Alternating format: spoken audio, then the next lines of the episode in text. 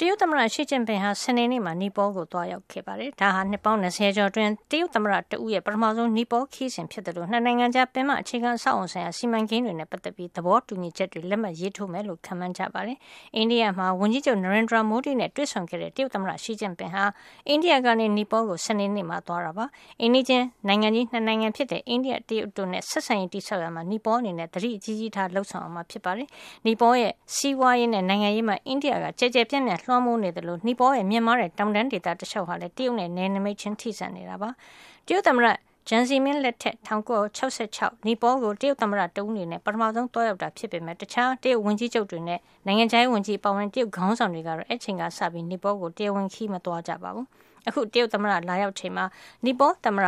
ဘီဒါယာဒေဝီဘန်ဒါရီနဲ့နီပေါဝန်ကြီးချုပ် KP Sharma Oli တို့ကခတ်မန်ဒူလေဆိပ်မှာသွားကြိုဆိုခဲ့ကြပါတယ်။အခုတရုတ်သမ္မတခီးစဉ်တွင်တနင်္ဂနွေမှာကျင်းပမယ့်တရားဝင်ဆွေးနွေးပွဲမှာဟီမိုနာတောင်တန်းဒေသကြော်ဖြတ်ဆက်သွယ်မှုဆိုင်ရာနဲ့နေရင်းပြန်ပို့ရေးဆိုင်ရာကိစ္စရပ်တွေကိုဆွေးနွေးနိုင်မယ်ရှိပါတယ်။